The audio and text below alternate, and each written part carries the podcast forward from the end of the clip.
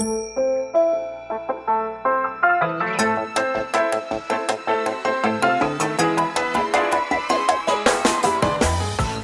lieve luisteraars, welkom bij de Stories of Inspiration podcast van What's Your Story. De podcast waarin ik jou laat horen dat er achter ieder gezicht een inspiratiebron schuilt. En waarin ik jou heel veel tips ga geven over hoe jij meer naar buiten kunt treden met jouw authentieke verhaal. Heel veel plezier met luisteren en na afloop ben ik onwijs benieuwd wat je ervan vond. Stuur me een berichtje via Instagram als je wil reageren, als je vragen hebt of als je jouw verhaal ook zou willen delen. Veel plezier met luisteren!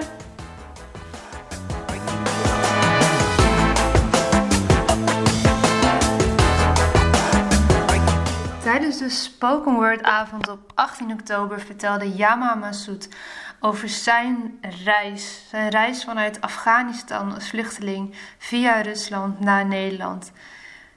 Hij heeft het over verschillende identiteiten. Wat doen deze verschillende identiteiten met je? En in hoeverre ben je auteur van je eigen leven? Er zijn bepaalde dingen die je overkomen. En Yama overkwam nogal heftig uh, de oorlog in Afghanistan. En als jong gezin zijn ze gevlucht. Maar hem gaf het ook honger naar iets mooiers en iets beters. Het heeft hem heel veel kracht gegeven. Daarover vertelt hij in deze podcast. Die dus een opname is van zijn spoken word op 18 oktober. Um, en hij is dankbaar dat hij het allemaal heeft mee mogen maken. Terwijl, um, ja, voor ieder van ons zou je waarschijnlijk denken: oorlog, dat wil je toch helemaal niet meemaken. Maar hij heeft dat heel mooi weten ombuigen naar dankbaarheid en heeft er heel veel kracht uit gehaald. En um, het heeft hem energie gegeven om zijn gevoel van een min 2 achterstand als basisschooljongetje in te gaan halen. Ja, hij heeft een master gevolgd in marketing en heeft vervolgens ook nog een studie psychologie afgerond. Hij werkte daarna met jongeren met zware problematiek en het voelde voor hem heel goed om iets terug te kunnen doen, zodat deze jongeren hun reis aan hem zouden kunnen vertellen. Want, zegt Jama, het draait in het leven om gezien en gehoord worden. En op dit moment is hij niet meer actief als psycholoog, maar zijn studies komen zichtbaar terug in de business die hij nu heeft met zijn broers, de Smooth Brothers. En dit is een hele stoere en gezellige smoothie bar in Groningen. En je kan hier voor alle dames onder ons die luisteren prima met je boyfriend naar binnen, want het is echt een toffe plek, ook voor jongens. En je kan daar de allerlekkerste en healthy smoothies krijgen, sapjes bowls en broodjes. Het zit in de Zwanenstraat in Groningen en ik um, nou, ben er ondertussen vaste klant. Het is echt een aanrader. Jama vertelt in deze podcast over hoe je kan leven op de grens tussen chaos en orde in het leven zoals het in onze huidige maatschappij is. En hij vertelt tot slot over de kracht van dankbaarheid, iets wat hem heel ver heeft geholpen in zijn rumoerige leven. Wil je nou ook een keer bij een van de spoken word avonden zijn? Dat kan. Op zondagavond 24 november hebben we weer een avond in Groningen bij Inspiratiecafé Osso. En hiervoor zijn nog kaartjes beschikbaar. Het is wel een klein, vrij kleine ruimte, dus uh, bij 30 kaartjes is het vol. En um, wees er dus op tijd bij als je dit wil, een keer wil meemaken. Um, op 24 oktober spreken Lieve Teduis en uh, Janneke Ananias. Lieve gaat het hebben over fair fashion en haar reis van tiener die hield van fast fashion naar haar eigen schoenenboutique die ze nu heeft. Uh, die helemaal fair fashion is. En Janneke onderneemt op zowel Curaçao als in Nederland. En is haar onderneming gestart vanaf een zeilboot in de Caribbean. En zij vertelt over haar ondernemersreis die toch ook wel behoorlijk spannend en enerverend en vooral heel avontuurlijk is. Dus wil je hierbij zijn, ga dan even naar mijn Instagram bijvoorbeeld en via de link in bio kom je op de Pagina waar je een kaartje kunt scoren. En ook via Facebook kun je hier wel bij terechtkomen. En mocht je het nou niet kunnen vinden en je wil er toch bij zijn, stuur me dan even een berichtje, dan help ik je. Voor nu heel veel plezier met luisteren van deze opname van spoken word van Yama Masoud.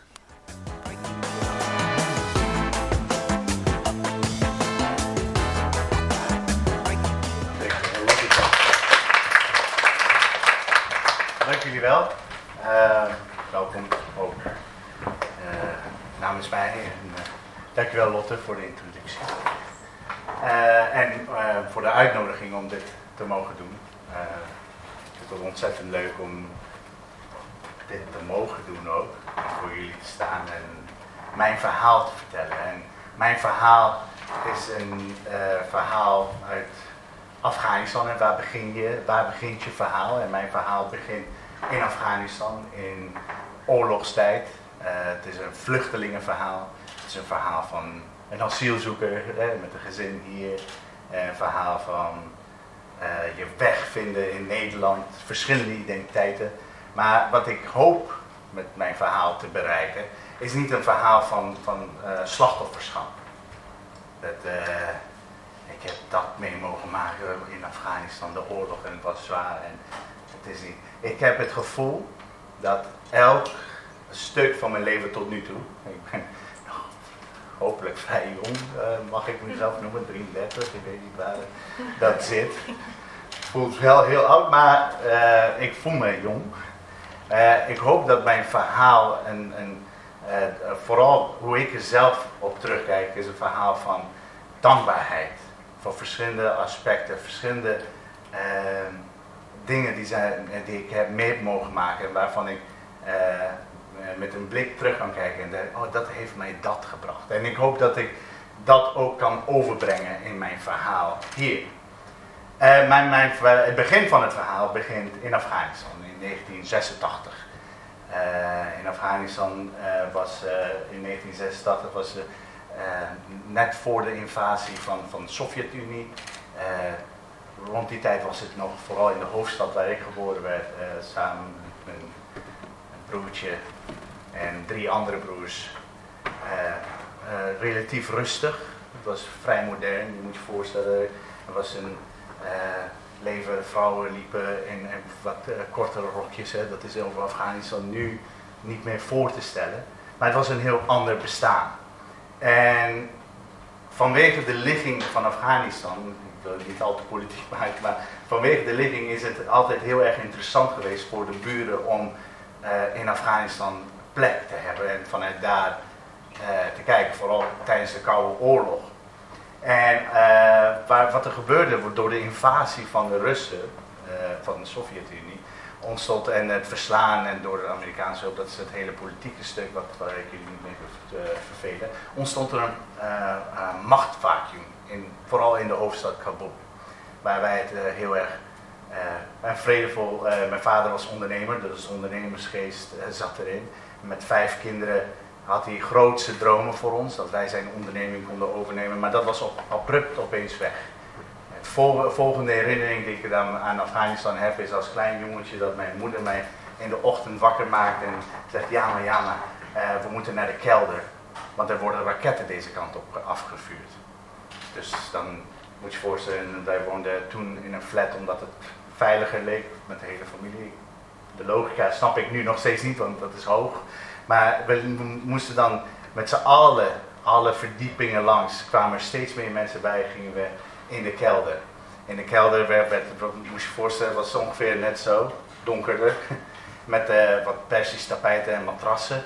Uh, zodat iedereen daar met, met van die gaslampen rustig kon zitten en afwachten tot het voorbij zou zijn. En, en, en het geluid van een raket die uh, jouw kant op komt, dat, is, dat kan ik me nog heel erg levendig herinneren. Het is een soort piepende geluid en dan hoor je even niks en dan is er heel veel beweging.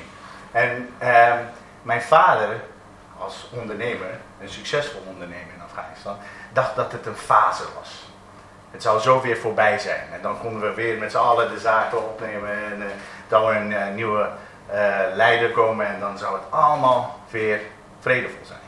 Dus we bleven iets te lang in Afghanistan. En een moment waarop mijn vader besloot om dat het tijd was om voor ons de Afghanistan te verlaten, was het moment dat uh, na een raketinslag mijn broertje spontaan begon te lachen.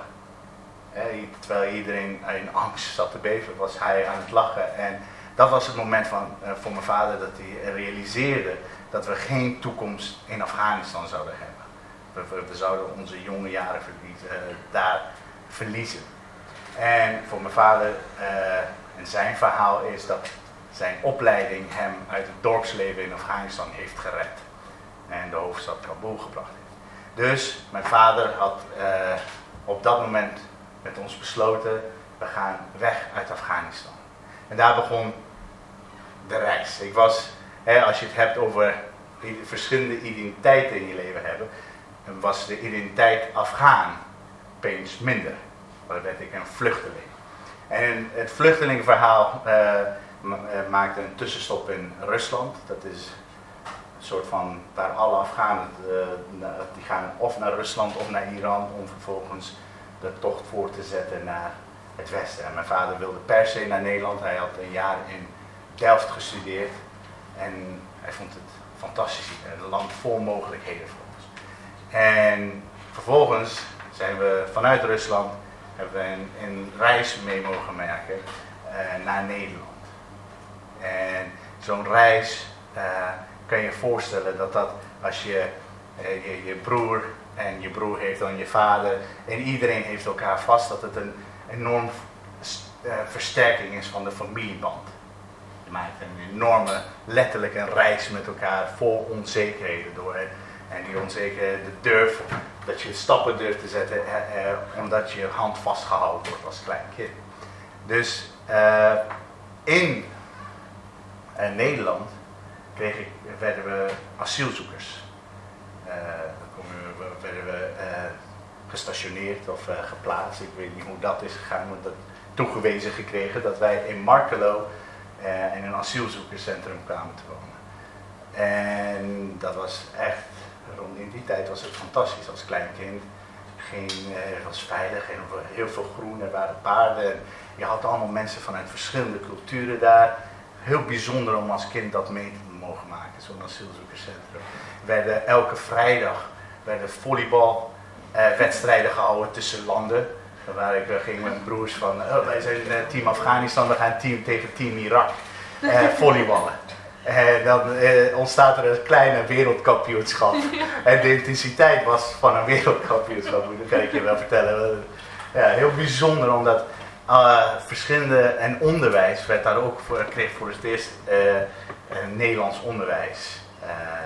en mocht ik het verhaal van Rupsje nooit genoeg voorlezen eens keer aan de klas, omdat ik goed kon voorlezen, werd mij verteld.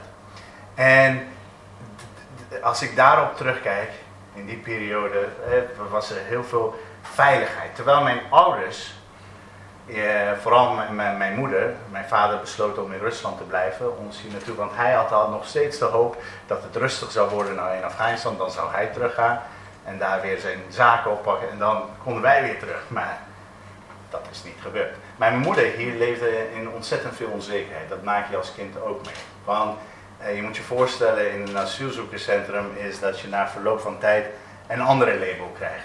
Status F.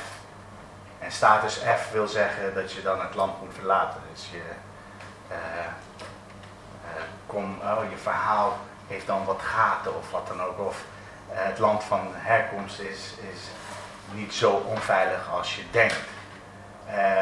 En wij hadden gelukkig geen status F. Eh, want het is afwachten, want je ziet allemaal families, eh, gezinnen eh, het asielzoekerscentrum verlaten.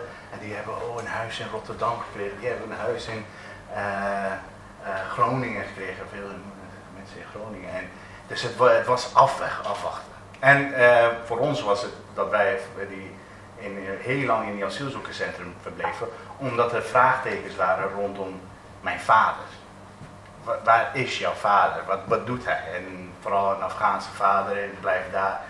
Uh, wat zit hierachter? Totdat mijn vader hier naartoe kwam en dan konden ze verifiëren dat hij geen boosdoener was of geen terrorist of wat dan ook.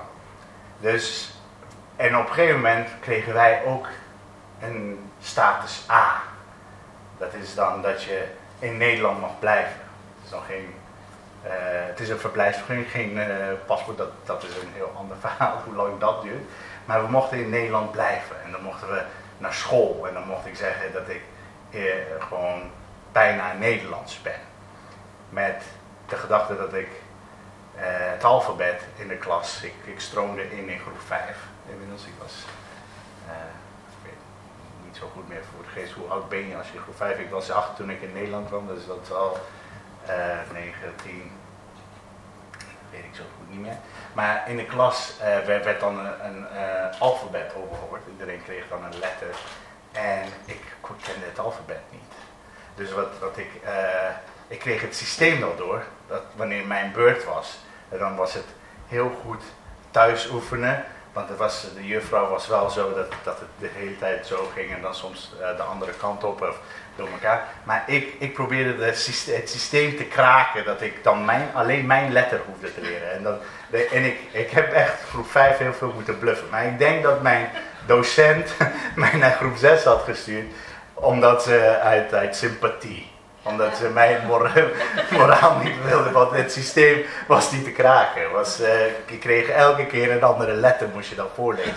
En ze was zo mild naar mij toe genoeg om, om, om dat uh, niet te zwaar mee te laten rekenen. En vervolgens heb ik de basisschool wel met de gedachte, daar is wel een gedachte ontstaan, moet ik zeggen, dat ik een soort van min 2 achterstand had als ik in punten. Ik dacht, wil ik iets bereiken, dan moet ik extra hard werken. Moet ik extra inzet tonen. En, dat, en dat is een soort van honger, uh, ik kan het geen ander noemen, van, van naar, naar een soort van gezien worden. Dat is, dat is een, wel een thema dat door mijn hele leven, ook later, ik, daar kom ik zo even op terug, wat, wat later, hoe die, het, het thema van gezien worden, hoe dat terugkwam in mijn werk als psycholoog. Maar gezien willen worden, betekent voor mij dat, dat je extra inzet, extra energie, extra moet investeren. Uh, extra hard moet rennen, extra hoog moet springen. Uh, om, om zeg maar op gelijkwaardig niveau gezien te worden. Uh, en en, en dat, was, dat was leuk. Het, was, het gaf me energie om die als kind extra mijn best te doen. En vervolgens uh, op de middelbare school ging dat nog steeds door. En dan kom je in de puberteit, wat nog meer een identiteitscrisis is. dan krijg je dus wie ben ik? Ik kreeg heel sterk met de vraag te maken met wie ben ik? Ben ik een Nederlander? Ben ik een Afghaan? Want thuis wordt er gewoon Afghaans gesproken. Thuis eten we gewoon Afghaans eten. En thuis krijg ik best wel veel uh, Afghaanse normen en waarden mee. En, en uh, buitenshuis, op school, eet ik boterham. Nou, niet op school, het was bij vriendjes thuis dat ik boterham kaas begon te eten. Want de Afghanen hebben heel uitgebreide lunch. met heel veel eieren vooral. Maar in ieder geval boterham. En, en dat er er ook Nederlandse normen waren. Waar wij heel veel, je moet je voorstellen, het verschil tussen Afghaanse cultuur en Nederlandse cultuur is bijna dag en nacht. Ik heb eh, dat echt intensief bestudeerd. Van waar zit het verschil? Afghanen zijn heel erg collectivistisch. Je bent, eh, het individu is, is eh, niet het individu, het is voor een groepsbelang waar je aan te denken hebt. Uh, familie-eer. Uh, je moet de trots van je familie hoog houden. En dat soort dingen wordt uh, meegegeven in de Nederlandse cultuur. Kies voor jezelf. Wees vrij. Nee, je hebt je persoonlijke ruimte nodig. verwarrend. Het was heel erg verwarrend voor mij. Maar er, met die vragen ben ik, ben ik op een gegeven moment ook in, in mijn puberteit begonnen met lezen uh, en in het bestuderen van Oosterse filosofie. van, uh, vanuit het boeddhisme, bij de vraag wie ben ik, wat is het ik, heel erg veel gesteld wordt. Ik kwam zo bij boeken van Jiddu Krishnamurti terecht, op die leeftijd, waarin het, het, die vraag dan rechtstreeks werd behandeld. En door middel van ook het lezen van, van zijn boeken dat de vragen aan mezelf gesteld worden. Dat was het voor de eerste kennismaking met reflectie eigenlijk. Uh, echt zodanig dat ik me afvroeg, wat is het ik? Ben ik een opsomming van al die labels, van het verleden, van alles wat ik heb meegemaakt? En dat is ja, maar van al mijn herinneringen? Of, of ben ik ook deels auteur van wie, wie ik ben? En dat laatste trok mij heel erg aan. Dat ik uh, bepaalde dingen mij zijn overkomen. Maar die bepaalde dingen, die hebben allemaal een functie gehad. En het, het, de hongerigheid om, om als vluchteling naar, een, naar iets beters te willen. Het volhouden, het overleven, het, zeg maar het slechtste meemaken. En dat biedt heel veel kracht als je erop terugkijkt, als, dat je dat mee mag maken. Daar ben ik, en ik ben vooral, en, misschien is het makkelijker spreken omdat wij als gezin heel huids er vanaf zijn gekomen. Van een hele oorlog en een hele reis hier naartoe. Maar ik ben heel erg dankbaar naar wat ik heb mee mogen maken in Afghanistan. De reis in het asielzoekerscentrum en als jongetje in de klas die het niet zo uh, allemaal goed mee kon krijgen, omdat het een taalbarrière was. Maar ergens gaf dat, zoals ik al net zei, energie om dat te overwinnen. Hè, om erbij te halen. Wel met de gedachte van, ik sta op min 2. Dat heeft nog heel lang geduurd. Uh, tijdens mijn eerste masterstudie, ik heb marketing gedaan. en toen dacht ik, marketing, dat is, dat is niet genoeg wil ik opvallen op in de arbeidsmarkt, dan moet ik nog iets erachteraan Ben ik, en ook omdat ik ook merkte dat vooral in marketing, vooral consumentengedrag heel erg interessant, ben ik me gaan verdiepen in, in de psychologie. En dat is ook weer iets wat in mijn hele leven een soort van een rode draad is geweest. En de vragen die ik mezelf stelde. En dan ben ik psychologie gaan studeren aan uh, Leiden Universiteit. En daaruit was dat ik dan dacht, oh ja, nu, nu voel ik me gelijkwaardig. Maar ben ik in de psychologie uh, uh, eigenlijk uh, begonnen met werken. bij een, eerst met jongeren met gedragsproblematiek, verslaving. En het, was, het voelde goed om iets te doen voor deze jongeren. om klaar te staan. En om jonge mensen die het niet meer zagen, om, om een vertrouwenspersoon te zijn. Omdat ze over al hun problemen, hun reis aan mij konden vertellen. En dat ik het eigenlijk een luisterend oor kon zijn. Uh, vervolgens ben ik in Groningen begonnen uh, uh, bij Winok reïntegratie, revalidatie. Waar het draaide om chronische pijn, angstklachten, burn-out en depressies. En wat ik eigenlijk door het hele proces of het nou om die jongeren ging, of het nou bij, bij werknemers en ouderen ging, bij burn-out en depressieklachten of angst. Wat ik ondervond was dat het allemaal draaide om gezien en gehoord worden. En, en, en het, was, het, ook, het wordt ook in de psychologie vaak gezegd dat de therapeutische relatie die je hebt met cliënten, dat dat 70% uh, eh, van het effect is. Dat iemand voor het eerst een gevoel heeft, oh ik word, ik word hier echt aangehoord. Ik word hier echt gezien.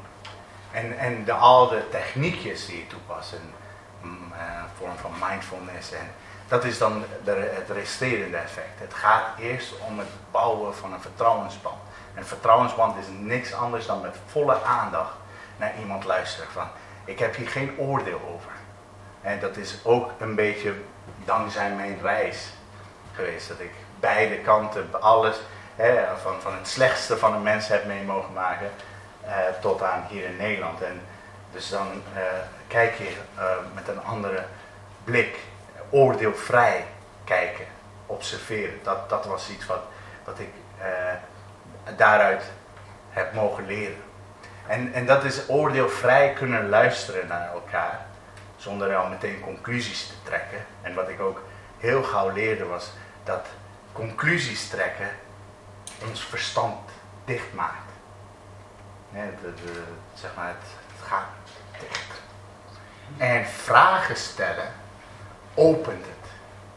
Wanneer een voorbeeld daarvan was, uh, ik kan het niet, kreeg ik dan als heel vaak dat mensen tegenover me zeiden, dat kan ik echt niet. En ik kan het niet, sluit al alle mogelijkheden.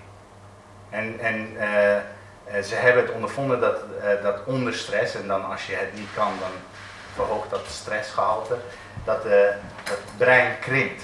Dus het letterlijk begint dan in onmogelijkheden denken. Wanneer je vragen durft, durft te stellen. Van, hoe kan ik dit aanleren? dat, er, dat, dat het brein dan in mogelijkheden kan denken. Dat is dan wat we een groei mindset noemen. En met die gedachte, hè, met die ontdekking eigenlijk, dat het allemaal draaide eigenlijk bij, bij ons als mens om gezien en gehoord worden, zijn we, is mijn broer, en dat is zijn verhaal, in 2016 teruggekomen uit Amerika. En mijn jongste broer was ongelukkig bij zijn baan.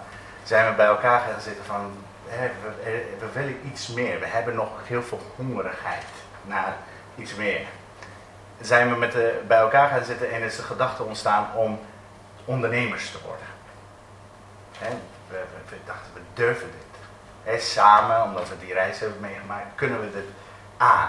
En is het idee van wat uh, nu uh, onze zaakje aan de Zwanenstraat, de Smooth Brothers heet, uh, is eigenlijk het idee, idee in 2016 ontstaan. En waarin mijn inbreng was, hè, vanuit mijn hele reis rondom identiteit en gezien worden, dat bij de Smooth Brothers moet het draaien om gezien worden. En dat begint met een hele warme begroeting en een hele warme afscheid. En uh, het, dat, dat je uh, vanuit die Afghaanse gastvrijheid, dat heb ik ook meegemaakt en meegekregen vanuit ze, om mensen te ontvangen. En, en dat was, en uh, dit jaar besloot ik, omdat we een enorme groei hebben meegemaakt, om het, uit de psychologie te stappen en volledig op de smoothbrothers te richten. En dat doe ik nu met twee broers. En met, elke dag met volle passie. En het, het psychologische is niet af. Want je bent nooit psycholoog af. Je, je observeert constant. En zoals ik al zei, draait het bij ons om gezien worden. Een voorbeeld ervan is een meneer die kwam uh, binnen met, met wat rode vlekken over zijn linkerkant. En ik vroeg hem, uh, want hij kwam vaker, van, wat is er? ik zei, ik weet het niet. Het is, ik ben naar verschillende ziekenhuizen geweest, ze weten niet wat het is. En ik herkende het uit mijn werk als psycholoog bij Winnow, dat het wellicht iets met stress te maken kon hebben. En toen vroeg ik hem, heeft het met stress te maken? En uh, hij zweeg en zijn vrouw knikte. En toen vertelde hij mij dat op het moment dat hij Smooth Brothers binnenstapt, dat er een soort van uh, lading van zijn schouders afvalt. Dat hij in een soort van andere tijd uit de hectiek van zijn dagelijks leven stapt en binnen het. En toen dacht ik, dit is wat we eigenlijk met de, hè, met de hele onderneming, al mijn reis, wat we hebben meegemaakt als psycholoog, dat ik dat ben gaan studeren, dat ik in Afghanistan, is, komt hier tot uiting.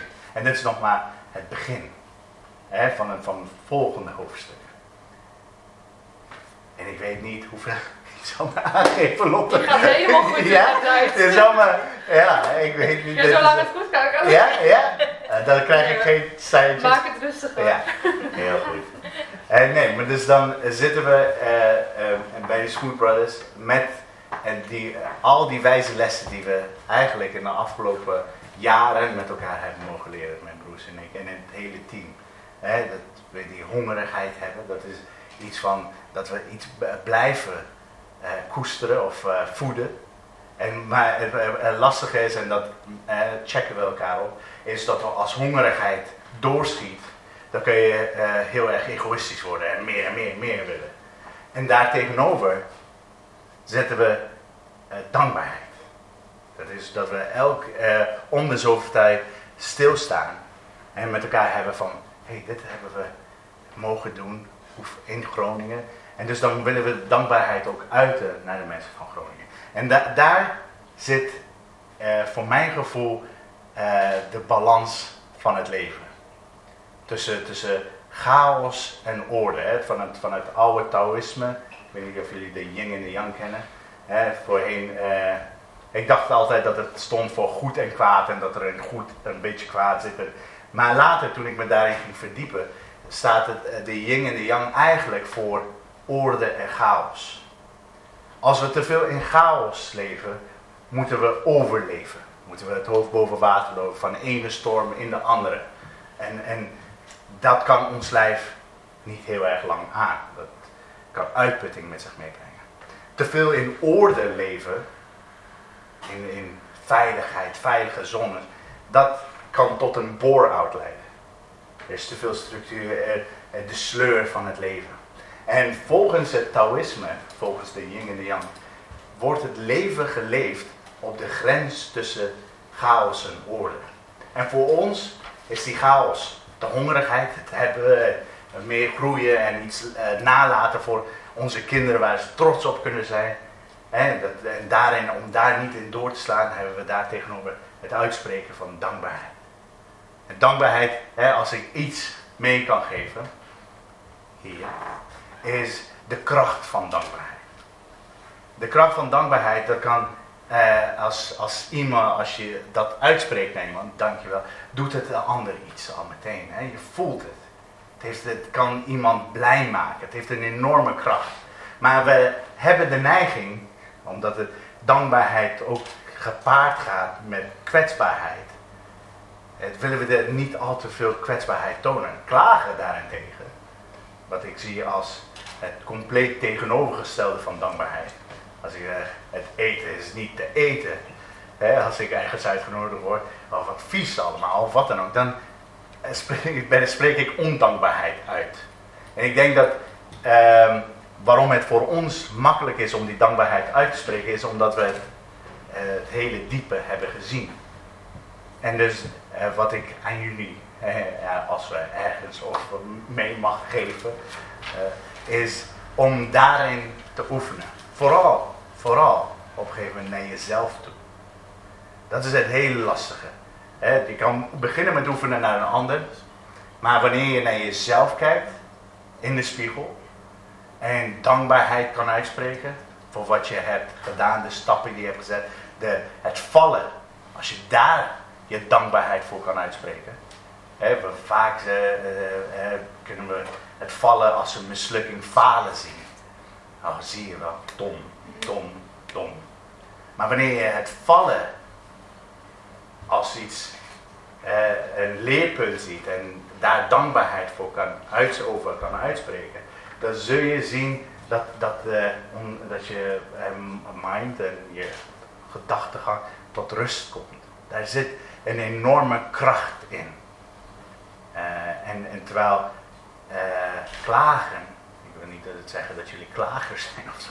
absoluut niet. Ik weet, maar dat kom, hè, kwam ik heel veel tegen. Is dat slurpt energie. Dankbaarheid geeft energie.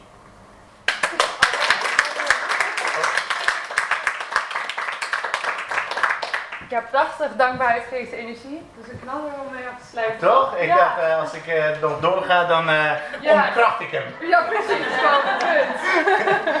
ja. Prachtig. Dankjewel. dankjewel, Lotte. Dankjewel. Ja. Dank jullie wel, allemaal.